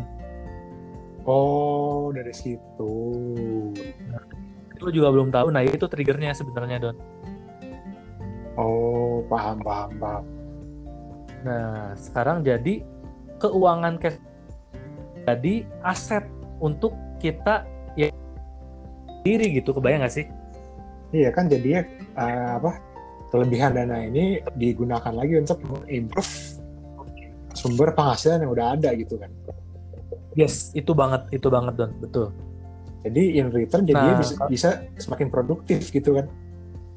Yes, betul, betul banget. Jadi ya se seenggaknya di lain sisi ya, gue seolah-olah nambah aset lagi nih. Akhirnya gue punya workshop yang lebih gede dikit, lebih koper dikit. Kalau kita lihat di laporan keuangan ya itu aset ya benar benar benar beli mesin ya, makanya. bangunan. Jadi mesin jadi bangunan gitu. Oke. Okay. nah ya gitu tetap nah tapi tetap tuh mulai ada godaan hobi-hobi yang ter itu akhirnya muncul. Oh, coba diceritakan. Ya, uh, ya intinya ya gue nggak akan bahas panjang lebar kali donnya iya iya iya selamanya tiga tahun terpendam ya akhirnya muncul. Walaupun tetap gue kasih batas tetap kasih batas. Oh, gue tuh dari, dari awal tetap boleh mengupgrade gaya hidup gue karena gue punya uang gitu kebayang gak sih? Oh ngerti ngerti. Ya jadi yes. tetap gue batasin yes. tuh portion gue saat gue punya uang seolah-olah punya uang karena investasi properti beres gue tetap ngebatas uh, maksimal range untuk gue pakai untuk hobi itu 5 sampai 10% dari pendapatan, Don. Berarti sama ini ya belanja-belanja untuk mobil, untuk hobi lu yang lain itu juga hanya 5 sampai 10% dari pendapatan lu gitu. Iya, betul. Sampai hari ini pun demikian. Pernah jebol gak? Belum. Wah. Karena Hebat gini, sih. batas batas atas 10% itu benar-benar batas atas, Don itu udah batas atas berarti udah warning tuh berarti nah warning tuh bukan di batas atas salah warning tuh gue selalu di 7% Wanjir, oke okay, oke. Okay. Warning di 7%. Kebayang gak sih? Kita kita ngeset batas atas 10%. Kalau yeah. warning kita di 10% itu jebol. Oh, oke. Okay. Kebayang gak? Dan jadi gue selalu di 7% tuh buat gue udah warning, gue nggak bisa lebih dari ini akhirnya jebol kan ya akhirnya jadi 8% iya. tapi setidaknya kita tetap masih 2% far from uh, margin uh, top margin gitu Berarti dalam dunia semua nggak ada namanya ayo dah lah ya, cincai lah ya, reward lah ya. Ada. Nggak ada. Nggak ada. Nggak ada. Lagi lah ini orang emang. Ini lu baru tahu Don ya? Aduh, iya baru tahu nih. Ini nggak pakai script kan ya? Ini kita ngobrol biasa ya. Aduh. Itu emang emang gue gak pernah ngomong aja karena ya ya buat apa juga gitu. Ini soalnya apa ya? Apa uh, itu kan yang gue bilang kan suka jadi godaan-godaan ya godaan-godaan yang membuat kita kan kayak ah yaudah deh nggak apa-apa cincai dikit gitu kan sih itu kan kayak tujuh persen ke sepuluh persen aduh tiga persen lagi nggak apa-apa lah bulan depan dapat lagi cincai ini nggak ada loh buat kayak sih nggak bisa Nah gilanya lagi karena waktu apa ya kan 2018 akhir beres tuh don renovasi yeah. workshop pembangunan workshop. Nah gue tuh tetap nggak mau kenapa dari 5 sampai 10 persen itu gue bener-bener buat mobil doang itu gue nggak mau. Padahal udah hobi lu nih. Nah, huh? karena uh, mobil itu sifatnya kan depresiasi don. Ya betul. Nah karena sifat depresiasi ya oke okay lah dikasih apa-apa apa itu tetap nyenengin gue maksudnya tetap feedback ke gue tuh gue bekerja tuh ya gue ada uh, semacam pelampiasan hiburan ke mobil gitu, bayang gak sih? Tapi yes. di range 5 sampai 10% itu gue tetap sisihin lagi dalam range 5 sampai 10% itu itu ke suatu benda yang gue memang suka tapi itu value-nya bisa meningkat. Oh, berarti ada spending hobi yang bertanggung jawab nih ceritanya gitu ya. Yes, nah makanya per 2018 itu gue mulai gencer main jam tangan Oh, beli Rolex, Panera gitu-gitu ya? Ngaco, ngaco. Ini for your information uh, jam tangan gue tuh cuma sebatas Seiko gitu loh. Oke, oke. Okay, okay. Disclaimer langsung. Jangan jadi aneh-aneh nih. Gue akhirnya, eh ini sih, ya udah cukup-cukup sampai sini dulu deh hobi yang jam nanti jadi panjang. Nanti kita bahas di episode jam lah ya. Lo iya nggak apa-apa lanjut lah. Ya pokoknya uh, jam tangan ini tuh kena, entah kenapa gue lihat suatu value yang someday kalau kita tega sejujurnya itu belum tentu tega sih. Someday kalau kita tega jual lagi itu akan naik harganya gitu oh berarti tetap tetap memberikan kesenangan memberikan joy tapi apa kalau seandainya dibutuhkan tuh dia nggak kehilangan nilainya gitu kan? Yes bahkan bisa nilainya lebih daripada saat lo beli gitu kan betul banget betul banget nah itu sih poinnya uh, itu boleh buat hobi bertanggung jawab tuh berarti tuh jam tangan tuh, tuh. Iya, iya karena itu udah kejadian sih di beberapa jam tangan gua tuh ada yang kayak gitu bahkan ada yang harga udah tiga kali lipat sekarang di marketplace harganya. Anjir. itu yang bisa habis jual langsung beli rumah itu ya jamnya? Ngaco, ngaco. terus terus terus gimana? Ya gitu loh maksudnya jadi kayak suatu gambaran aja gitu. Kalau investasi itu bisa di suatu instrumen yang sebenarnya kita hobi atau kita suka. Nggak harus di suatu instrumen yang kita kepaksa gitu atau yang kita nggak suka tapi ya harus gitu. Sedangkan ada juga loh sebenarnya ini instrumen-instrumen yang bisa menghasilkan uang someday tapi kita juga seneng gitu. Oke, boleh dong mulai sekarang apa kita cari nih kita senengnya apa aja sih? Nah hal yang kita suka itu apa yang kira-kira bisa menghasilkan gitu kan bukan cuma sebagai pengeluaran ya? Yes betul banget betul banget. Apalagi kalau jatuhnya kayak investasi kan kayak kita beli terus kayak misalkan dalam tiga tahun lagi atau lima tahun kita butuh saat kita jual mama jadi cuan gitu kan? Betul betul banget. Eh kan hmm. akhirnya Brandon juga dunia perjam tanganan Ayo, kita lanjutkan dulu ya Aduh. Ya gitu sih berarti. Apalagi ya setelah warehouse ya ada lagi sekarang pembangunan rumah, marriage preparation banyak sih. Nah, berarti kayaknya kalau gua perhatiin ya apa ya? Lo itu udah punya dasarnya sih, pondasinya sih. Hmm. Jadi sebelum lo membuat keputusan tuh ada dasarnya bahwa lu tahu apa yang lo mau, lu sadar akan apa yang lo mau dan lo melakukan itu dengan penuh pertimbangan gitu loh. Nggak nggak impulsif. Iya nggak sih?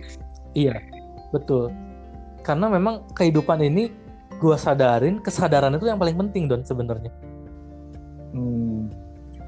tapi Sambil kesadaran dalam arti pertimbangan resikonya gitu kan gitu kan? Iya betul. Tapi gini loh kesadaran itu dalam artian kesadaran yang sifatnya uh, objektif ya. Jangan kesadaran yang seolah-olah jadi pro terus ke kita gitu. Bayang gak sih?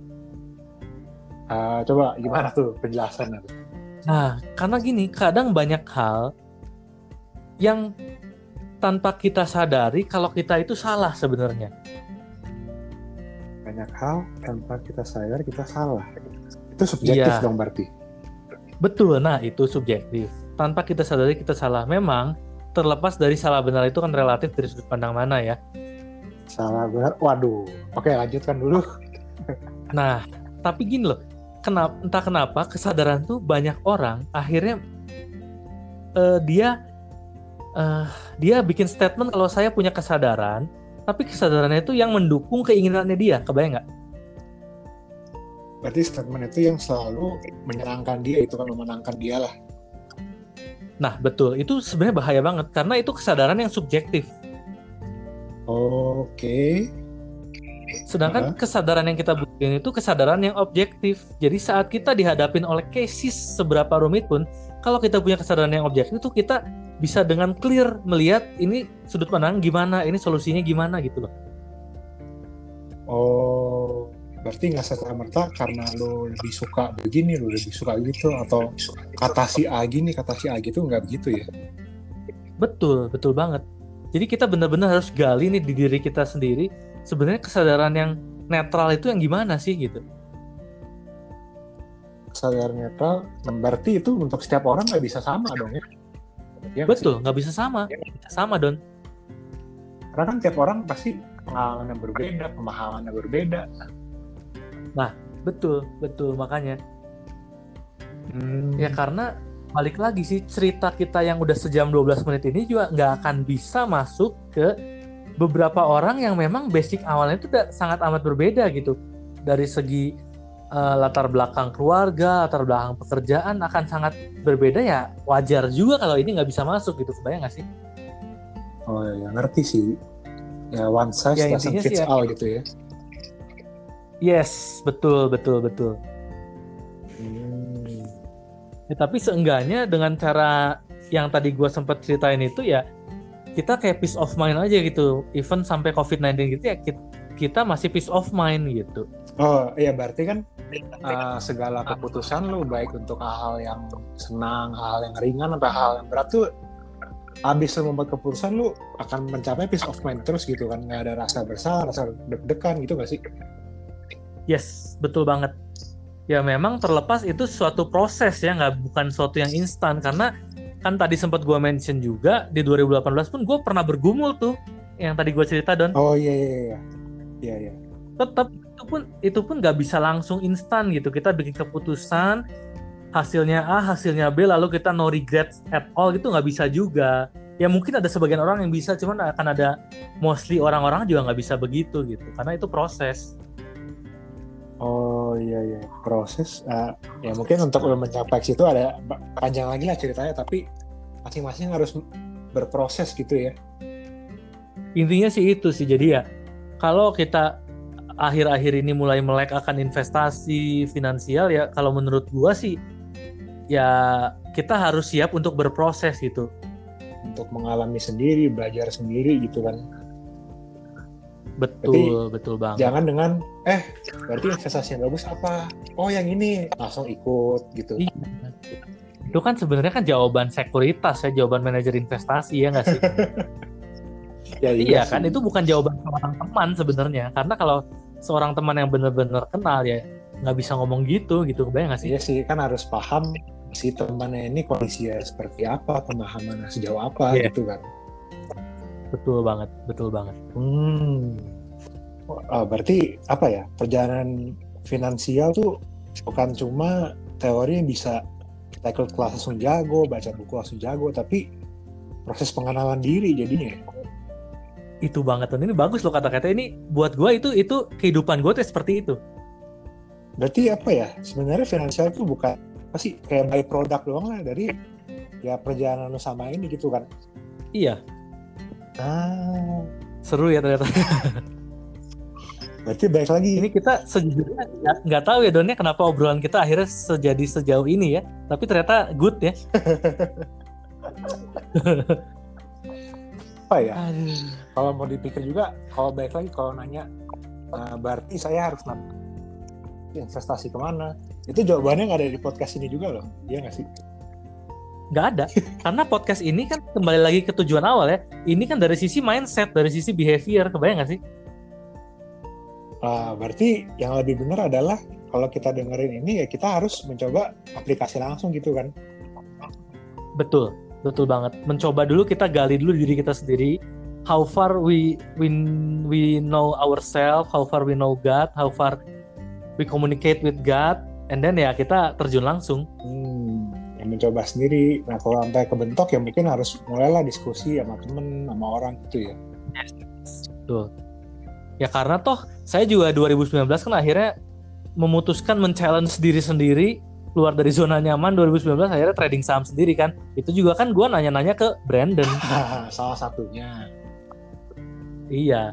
Kan gue belajar banyak juga dari Brandon. 2019 saham tuh gimana sih?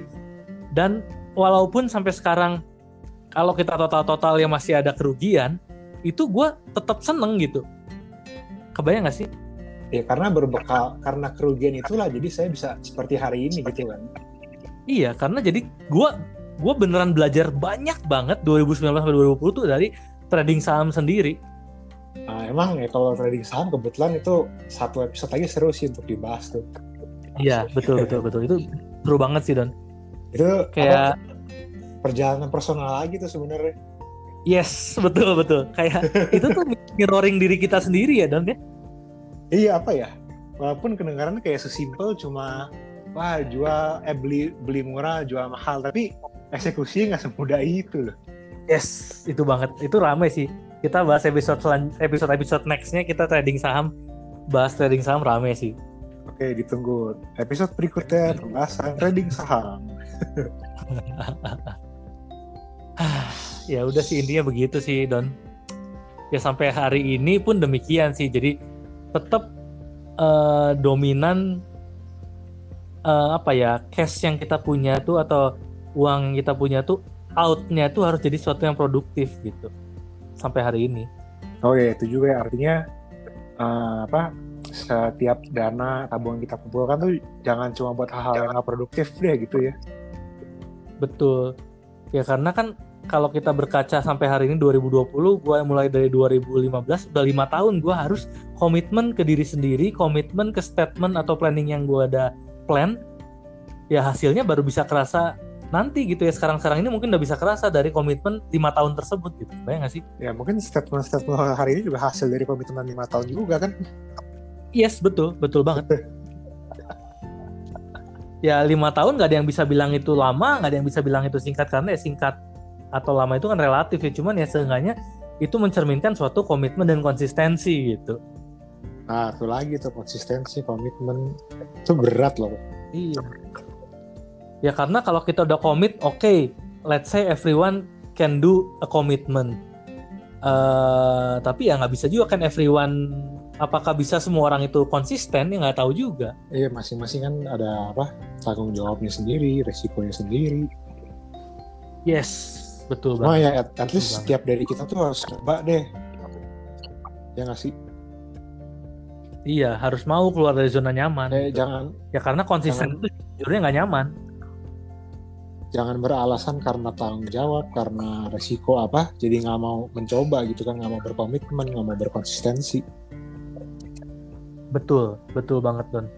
Jadinya apa itu chance chance yang jadi lewat aja hilang gitu kan iya iya kasarnya kita terus tetap ada di zona nyaman kita gitu. Ya masuk dalam siklus yang itu itu aja gitu kali ya akhirnya. Betul.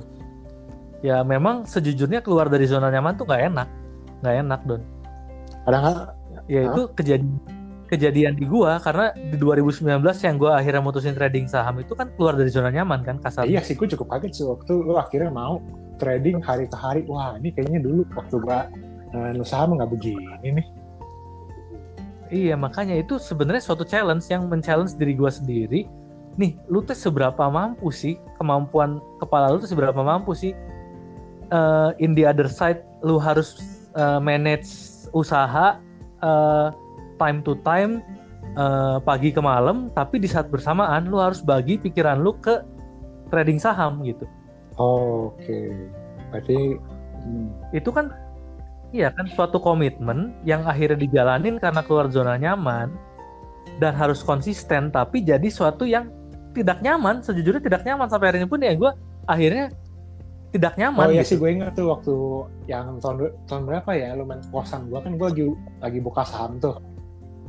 Nah kan gue ceritain kan, yeah. lu tuh ngeliat saham gini mur apa ini hari-hari lihat di berita bla bla. Yeah. Lu kan langsung nggak minat kan kayak, yeah. aduh gue pusing nggak sempet ya gue mikirin gituan nggak ngerti gue. Iya iya iya. Nah, makanya ada ada ada satu poin yang tadinya kita tuh seolah-olah nggak minat, tapi kalau kita komit untuk face that challenges ya bisa gitu. Sebenarnya bisa. Kita akhirnya akan dapat suatu titik terangnya gitu. Ah, awalnya nggak mau eh tato jadi mau gitu. Iya. Ya terlepas akhirnya ngerasain itu. Oh dapat profitnya gini dapat profit tuh gini efeknya apa besoknya setelah kita profit tuh apa efeknya ke saham tersebut ini banyak gitu kita banyak belajar satu hal baru gitu. hmm, apa ya jadi kayak addiction gitu ya eh kalau gue sih tetap pada konsisten, Konsisten. Don, namanya itu. Hmm, Iya. Tetap pada konsisten karena gini loh. Ada beberapa orang saat kondisi pasar ancur-ancuran banget dia nggak mau lihat eh, portofolionya kan. iya benar Entah kenapa, gue karena udah komitmen, entah entah dibilang addiction, entah dibilang kepo atau tapi gim- gimana ya? Deep down in my heart gue udah komitmen 2019. I put my money there. Ya, saya harus konsisten apa pun keadaannya gitu. berarti walaupun waktu kemarin pertama kali terjun payung itu lu tetap buka tiap hari tuh ya mantau terus. Tetap tet- tetap buka. Malah dengan gua buka gua bersyukur gua bisa cut loss di eh apa ya loss yang min- seminimum mungkin. Kebayang nggak sih don? Iya iya iya paham. Tapi nantilah itu dibahasnya jadi jadi rame. Nanti dibahasnya nanti aja pas episode selanjutnya. Ah, begitulah. Ya kalau dari 2019 ke sini ya hidup gue ya udah sih cuma uangnya ke pembangunan rumah ke merit preparation udah sih itu doang. Itu sih udah kayak apa ya nggak bisa diceritain hal-hal itu sih karena kan kalau itu udah sifatnya benar-benar personal nggak sih? Iya kebayang Don? cuma kan untuk apa kan lu udah jelasin soal perjalanan lu untuk mencapai ke habit yang seperti ini kan bagaimana kan? Betul, nah ya sih itu poin gue sih sampai situ sih kalau misalkan kenapa sih nggak mau ceritain tentang pembangunan apa ya? Itu nggak bisa sih menurut gue itu kan membangun rumah tuh mau budget eh, misalkan 200 juta mau sampai 20 miliar juga bisa kan? Kebayang iya sih? iya benar. Itu kan bener-bener personal dari lu pengennya gimana budget lu gimana. Itu pun terjadi di eh, marriage preparation kan? Itu bener-bener orang ke orang beda-beda itu sih nggak nggak ada poinnya deh kalau diobrolin kata gue sih. cuma kan yang poin di sini kan apa dari ya dari 2015 deh sampai 2020 kan dengan pola pikir lu, fondasi berpikir lu yang seperti itu, lu sudah menyelesaikan banyak hal gitu kan sampai akhirnya pada membangun rumah gitu. Iya, iya betul. Oh iya, poin penting sih Don, Hmm. sorry. Yang gue lupa mention. Kadang kita tuh harus tahu batasan kemampuan kita tuh segimana saat kita melakukan ya ini pembangunan rumah atau marriage preparation jangan kesannya maksain gitu kebayang Ah, sih? coba gimana tuh? Karena gini, karena gue lihat gini banyak orang-orang karena kepengaruh sekitarnya akhirnya dia maksain. Jadi oh akhirnya mah dia nggak gitu pengen tapi untuk memenuhi ekspektasi orang lain gitu ya. Iya, itu banget. Itu gue sangat amat melihat eh, kondisi nowadays itu di orang-orang tuh seperti itu saat mereka membangun rumah atau saat mereka mempersiapkan seberapa besar resepsi mereka gitu. Keren banget sih kalau itu. Iya makanya ya sebenarnya itu poin sih ya paling poin yang bisa dibahas itu sih dari sisi finansial ya jangan maksain finansial lu untuk yang sifatnya cuma kalau resepsi kan sehari habis bos Ya benar, cuma jadi foto. Iya cuma jadi foto kan ya. Memang bukannya nggak boleh untuk wah-wah, cuman ya seenggaknya sadar dirilah dengan kemampuan yang ada. Lu jangan maksain lebih dari itu gitu. Jangan sampai jadi kredit lah apalah eh, utang gitu-gitu kan Oh, ya itu berat bocengli ya. Ah, capek. Mm-mm. Berarti apa ya? Oh ya btw gue dari 2015 gak punya kredit Sampai sekarang. Sampai Wah, sekarang nggak punya. sayang banget tuh padahal. Nggak sih itu bukan bukan jadi apa ya? Bukan jadi patokan sih. Gue tetap komit sampai hari ini ya. Gue bersyukur nggak punya kredit card gitu oh, aja. ya udah jangan deh ntar kalau gue kalau gue jelasin sedih lagi soal permasalahan duniawi. Nanti malah ke challenge Iya, lagi iya. Don ya. Kan gue udah challenge susah, ntar, ntar gue challenge yang lain lagi. ah ya nggak sih tapi tetap sih gue bersyukur sih gue nggak ada kredit card tapi soal yang tadi apa? Soal bangun rumah, soal marriage preparation itu kan tadi lu bilang jangan jangan Apa untuk nih? memenuhi ekspektasi orang kan. itu kayak Ya, bisa betul. kita pakai juga untuk soal hobi soal pengeluaran kita nggak sih Oh iya, itu banget, itu banget. soalnya Ya karena kita, iya karena kita hidup kan untuk diri sendiri ya maksudnya bukan bukan untuk diri sendiri. Kita hidup tuh tidak bisa membahagiakan semua orang gitu. hmm, nah, apalagi jangan sampai kita berdarah-darah untuk membahagiakan semua orang ya. Iya itu kan apa apa banget gitu ya. Kadang tapi itu kejadian di banyak orang, gua nggak ngerti sih. Hmm. Kebayang nggak sih atau cuma di pikiran gua doang itu kejadian di banyak orang dan kalau di menurut Ya, lu gimana? apa ya kadang kan biasa peer pressure ya kalau di pergaulan kita ngeliat wah si ini udah pakai ini pakai sepatu ini pakai jam ini masa gua enggak gitu kan Iya sih itu itu memang itu memang susah sih, cuman ya harus bisa kita ya nahan sih temennya ya. ngomporin weh ini ini si ini si ini si ini udah pakai ini masa lu enggak masa tinggal lu doang gitu kan Iya iya iya. Ya karena banyak sih, gua kalau mau cerita cases di Hmm. mobil aja ya Don ya. Kan teman-teman mobil tuh cukup banyak Iya. ya di Instagram. Nah, ya pasti akan ada aja tiap hari yang ngomporin, ayo dong pasang ini, pasang ini, pasang ini. Ya tetap gua selalu menempatkan diri gua, gua tuh dananya nggak ada gitu, kebayang Nah, nggak sih? pahamnya padahal kadang gue suka panas sih kayak gue mikir aja. Eh, apa? Pengeluaran kan lu suka kalau mau di mobil kan sepotong-sepotong tuh. Kayak lampu dulu Iya. besok baru mesin besok baru apa. Padahal kan kayaknya kalau lu mau borongin semua tuh bisa tapi nggak mau gitu loh. Bisa, iya makanya gua tuh selalu menempatkan diri gua, ya gua tuh nggak nggak bi, gua nggak ada dana, gua nggak ada dana selalu nempatin gitu, jadi ya udah gua kayak feeling free aja, toh gua nggak ada dana, ya terserah. Mau orang lain lihatnya gua nggak punya uang ya terserah, terserah, terserah orang-orang. Pokoknya gua intinya gua harus saving apa ya? Intinya gua harus tetap pada komitmen gua di range harga itu, range range untuk hobi itu segitu Nah, gitu. berarti ya komitmen pengeluaran lu udah segini mati nggak bisa lebih memang kalau mau dilebihin dari range itu kan masih ada 95% lagi kan dananya Sama- kebayang nggak sih? khusus deh bulan ini spesial boleh 15% bulan depan nggak lagi bisa Iya itu itu gue masih belum bisa tapi akhir kayaknya tahun-tahun depan gue akan begitu sih. Udah saatnya kali ya. oke Udah saatnya menikmati tapi ya again akhirnya gue memutuskan akhirnya nanti akan ada suatu waktu gue harus menikmati gitu. Tapi kan ya menikmati kan sudah secara bertanggung jawab kan udah persiapan untuk masa depannya ada, saat sakitnya ada.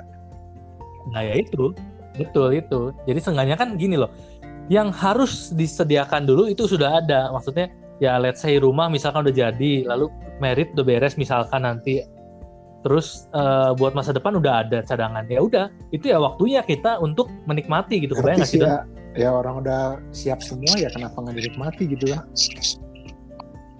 Ya, ya akhirnya pada akhirnya harus ada timingnya juga untuk kita menikmati. Jadi jangan gitu. berdarah-darah ngumpulin dong nggak dipakai-pakai disimpan gitu kan? Iya, karena itu sejujurnya banyak kejadian don di orang-orang lama yang kerja keras. Sometimes sih ya ada sih banyak sih begitu sih. banyak jadi akhirnya mereka fokusnya di kerja kerja kerja kerja dipakainya Oh, enggak ya, sampai saking tua gitu anak udah deh biar anak aja deh. Nah ada ada ada dua jenis nih ada yang dia beneran gak pakai sampai tua karena sayang anak ada karena sayang Iya uang itu benar-benar anak pun nggak dibagi loh. Ada juga sih. nah iya makanya jadi ya itulah pentingnya mindset kita balance kita ke finansial tuh itu bisa sejauh itu loh finansial ngedirect hidup kita tuh Apa ya mungkin kita eh, apa? Kalau dari umur kita sekarang mempengaruhi adalah secepat apa kita bisa memiliki hal-hal yang penting kan kayak rumah atau asuransi, investasi. iya iya Tapi kalau lebih jauh lagi sampai kita akan kita udah nyampe lansia ya relasi kita sama keluarga gitu, sama temen kali ya. betul Wah itu lebih jauh lagi gitu. betul makanya maksud gue jadi kayak ini tuh poin kesadaran gitu eh apa ya pengelolaan financial management kita tuh yang sekarang ini saat kita kondisinya baru dapat baru apa bisa menghasilkan uang sendiri atau baru dapat gaji pertama itu tuh eh, apa yang kita lakukan sekarang itu efeknya tuh bisa jadi mirroring nanti kita ke depannya tuh gimana gitu finan eh, masa tua kita finansial masa tua kita tuh gimana gitu apakah kita sekarang udah di pet yang benar atau belum Soalnya kan udah jadi habit juga gak sih kebiasaan terus menerus gitu aja. Iya, betul. Ya karena kalau menurut gue pribadi atau kayaknya sih om eh, kayaknya lu juga setuju sih kalau finansial itu ya refleksi habit kita Ya, juga. bener, gitu. bener sih gue nggak ada alasan buat angka sih setuju banget Iya kan? Ya makanya gitu karena ya dari obrolan ini mungkin harusnya ada kesadaran-kesadaran baru. Nah itu sih paling kalau dari sekarang-sekarang itu poinnya itu sih yang bisa di-share ya.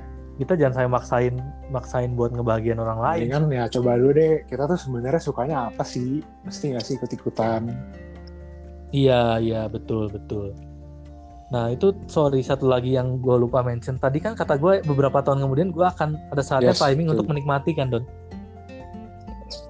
Nah, itu kan berarti kan setelah tujuh tahun dari awal mula menghasilkan uang kan, let's say begitu iya kan. tujuh tahun berarti Heeh.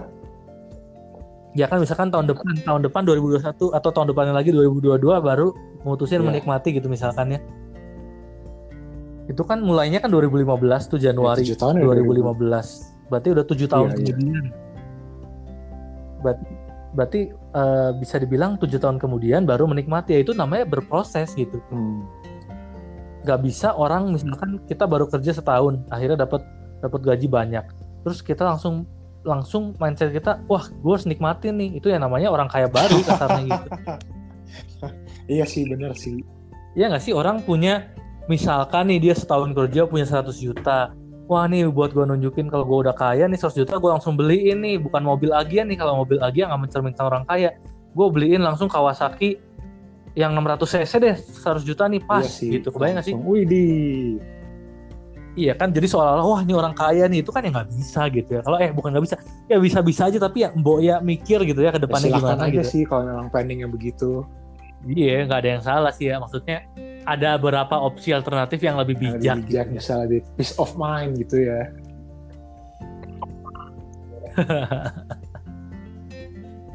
Ya tapi terlepas sih orang-orang tapi ya beda-beda ya sih. nggak salah kok kan artinya sesudah lo tujuh tahun nih lo berproses kalau besokannya lo mau ya lebih lebih ber, lebih menikmati lah kan nggak salah karena lo udah bertanggung jawab gitu backup backupnya udah ada gitu Iya, betul betul. backupnya udah Iya iya. Ya maksudnya gimana ya? Eh, ada satu titik kita bisa menikmati apa yang kita raih itu. Kalau buat gue pribadi nih ya, saat kebutuhan-kebutuhan utama sudah terpenuhi, step step-step ke kehidupan yang apa ya, yang secara formal orang-orang jalani ya udah udah kita jalani juga. Kita udah punya cadangan, kita udah punya backup ya udah, ayo boleh deh kita nikmatin nih hidup. Jadi kan kita saat menikmati hidup itu juga peace of mind. Toh kita udah punya cadangan-cadangan ya benar. kebayang nggak sih Don? Iya sih artinya saat happy saat happy happy itu ya- benar-benar happy nggak mikirin cicilannya nggak mikirin minjem sana Nah, sininya betul betul banget. Jadi ya terlepas sih kita bisa menikmati itu ya ter- kapan pun. Again kita sebulan kerja dapat uang menikmati juga bisa ya. Cuman mungkin nggak peace of mind mungkin. Tapi ya kalau mungkin buat sebagian orang lagi peace of mind ya silakan Iya, karena kan benar. setiap orang beda-beda ya. cuma yang dipoinin di sini kan ya gimana caranya supaya uh, bisa bersenang-senang tapi hal-hal tanggung jawab tuh selesai semua gitu lah Iya, betul. Ya selayaknya orang-orang yang memang atau ya orang-orang tua yang udah lebih dulu melakukan usaha atau berkarir ya begitu Iya mungkin ya. nggak langsung serta merta. Wah. Iya kan ya karena ya entah kenapa gitu soalnya gue pribadi kayak ngelihat akhir-akhir ini tuh generasi-generasi yang ke sini tuh ngelihatnya dia baru dapat misalkan uang sekian itu langsung jadi seolah jadi orang kaya baru langsung beli uh, barang-barang mewah lifestyle-nya berubah gitu ya. Kayak suatu anomali aja gitu buat gua yang uh, umur jiwanya tua gitu jadi kayak anomali gitu oh orang-orang zaman sekarang tuh begini gitu ya gue mikir soalnya hari gini tuh ngabisin duit makin banyak sih alternatifnya iya sih ya makin banyak itu Iya, ya pintu-pintunya dibukakan ya godaannya Iya banyak sih itu benar juga sih. Tapi kan terlepas. Iya iya benar sih. Memang kalau dari dari luar dari sisi luar begitu. Cuma dari diri kalau dari sisi diri kita ya kalau kita beneran menggali diri kita secara bener-bener ya itu semua harusnya nggak Nah, berpengaruh balik ya lagi sih. tuh pengenalannya pengendalian dirinya Iya jadi karena kondisinya mau se semetropolitan apa pun, kondisinya mau semaju apa pun, seterbuka apa pun alternatif kita belanja ya kita nggak bisa menyalahkan kondisi. Yang ada kita mengenal diri sendiri makin dalam ya lagi akan kita lagi ya, yang transfer kita sendiri, yang klik buy kita sendiri, Iya. yang kontak seller kita Betul. sendiri. Iya makanya ya nggak sih kalau kita mau mencerna lagi itu kayak kalau kita introspek apa introspeksi lagi itu ya yang ngawalin action itu kan kita Iya sendiri sih, juga kan boleh nyayang siapa-siapa. iya kan ya gitu doang sih palingnya semoga kembali lagi banyak jiwa-jiwa tua Atau ya untuk jiwa-jiwa yang nggak setua Hans Samuel bisa belajar. ya terlepas sih nggak ada yang salah nggak ada yang bener sih cuma sharing pengalaman saya doang nggak tahu nggak apa ya? salah Bukan berarti karena dia tua tapi bisa begini, tapi kita kita yang mungkin gak sepemikiran sama si Hans tuh jadi bisa belajar coba ngikutin deh gitu. Kalau mau bisa eh, menikmati hasil kerja gitu kan nantinya. Iya iya iya. Eh, apa eh, seolah-olah Eh, seperti tujuan akhirnya Kayak, gitu ini ya. udah ada yang bisa. Ya kita semua pun juga bisa bukannya betul betul betul ya karena terlepas eh, apa Coba lanjut, Don. bisa menjalani bukannya impossible bisa tapi emang nggak instan yes kalau dalam Yes, kasus betul banget. si Hans ini Betul dia banget. butuh tujuh tahun gitu kan kira-kira kalaupun nanti Iya. misalkan untuk gue sendiri jadi 10 tahun ya nggak masalah karena kan ya tiap orang beda-beda kan tujuan akhirnya Betul. tercapai kan yes yes betul banget kita nggak bisa nyamain timing orang A dan orang B itu nggak bisa kadang-kadang kita sama suka mikirnya apa ya wah harus sebelum umur 30 begini Hmm, ya itu kan kembali lagi itu kan jadi stigma orang pressure gitu ya Ya makanya itulah pentingnya kita pendirian sih itu Don. Kalau kita tetap menjadikan itu suatu pressure, berarti itu kita belum bisa eh, mengalahkan stigma kita membahagiakan Iya, orang lain. Ya nggak sih? Karena gini loh, karena gua pikir hidup itu lucu kalau dari sisi finansial gini. Kita misalkan udah suatu yang kata orang itu achievement, misalkan kita bisa bikin rumah atau Ya. punya rumah, gitu ya. Nanti setelahnya itu tuh apa ya? eh kalau gua lihat tuh pujian-pujian mungkin kita akhirnya berharap dapat pujian dari orang lain. Wah hebat udah punya rumah Hmm. gitu ya misalkan ya. Nanti tuh akan ada lagi pressure dari seolah-olah dari pertemanan, dari lingkungan. Ayo dong Iya, kapan punya mobil, ya nggak?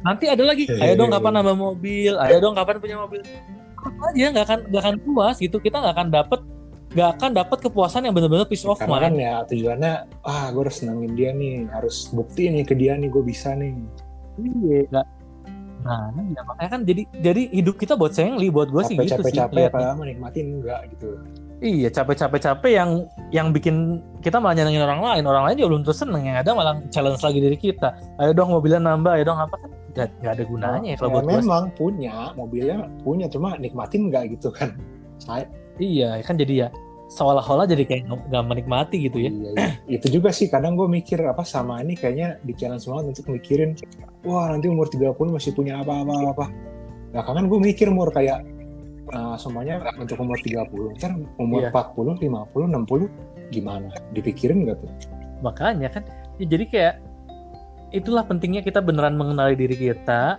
beneran komunikasi sama Tuhan yang bener, ya komit dan konsisten ya udah hidup kita peace of mind apa pun yang terjadi Hmm. gitu. ya baik lagi Nah, nggak harus apa ya, nggak harus benda-benda duniawi itu jadi patokan keberhasilan kita. Gitu. nah itu tuh yang sekarang cukup apa ya cukup berat ya kayaknya gitu ya. Iya Karena seolah-olah udah, terstigma sekian lama ya di di lingkungan begitu ya udah sih. Kayaknya udah cukup dulu kali nanti kita di episode selanjutnya. Ini masih banyak sih sebenarnya Ini unek-unek cuma nanti aja lah. sih. nggak ya nggak nggak terlalu melenceng jauh sih tapi banyak banget sih Sebenarnya kalau dari tujuan awal kita sih Sebenarnya nggak melenceng ya cuma ya sebenarnya. Panjang itu supaya lebih banyak lah yang mengerti dengan berbagai macam cara pendekatan gitu kan Yes, terus kan jadi contoh-contoh casesnya kan banyak Iya. yang realnya nah, gitu ini ya. aja contoh case baru dialami oleh satu orang. Nah iya, belum belum Brandon Gunawan nanti cerita mungkin episode ya, selanjutnya. Itu buat setiap orang tuh bisa beda-beda kan ceritanya nggak harus sama Yes. berarti ya bukan berarti betul yang banget, dengerin betul ini banget. cerita harus seperti ini juga gitu Yes, bener. Karena gini, makin ke hari, makin tahun kan makin banyak tuh namanya instrumen investasi, makin banyak knowledge yang beneran disajikan di media sosial. Ya mungkin akan berbeda caranya dibanding saya yang 2015 memulainya gitu. Oh iya benar yang yang sekarang yang mungkin tahun 2020 atau 2019 baru start tadi pilihannya ada lagi investasi P2P wah banyak lagi. Iya makanya kan. Jadi pasti harusnya nggak akan sama karena logikanya kalau kita mulainya tahun ini ya instrumen investasi udah banyak banget pilihannya knowledge ya, mungkin yang banget. penting adalah balik lagi ke pondasi awalnya kan. Kita yes. tuh mesti sadar dulu betul. mesti mencari ke dalam mengenali diri. Hmm, jadi ya iya betul. Jadi Brandon juga kayaknya baru tahu beberapa iya, hal hari sih. ini ya. Maksudnya nggak kan kita sebelumnya sering ngobrol nih Don. Kayaknya banyak juga hal yang belum belum ngapin ke lu ya sebelumnya. jadi tahu mengagetkan juga iya iya Iya sih. Ya jadi sama-sama belajar lah. Ya. Gue juga belajar banyak dari lu. Boleh gak? Terungkap rahasia Hans Lemuel gitu ya. ya terserah lu sih itu mah. Toh niatan awalnya kan buat berbagi ya. Anjir. Ya bagaimana kalau kita kalau kita cut dulu untuk ya, udah mungkin ini. Seperti... Yes. Nah, ini thank you banget, banget untuk Hans Lemuel. Udah banyak banget. Thank you banget. Apa insight-insightnya, sharingnya. Walaupun mungkin tiap orang hasilnya bisa berbeda. Yang penting kita berproses dulu kali ya. Yes, sama-sama Don. Thank you juga loh. Gue juga banyak belajar dari lu Don. beneran beneran. ya wis, goodbye, okay, goodbye. You. Thank you semuanya.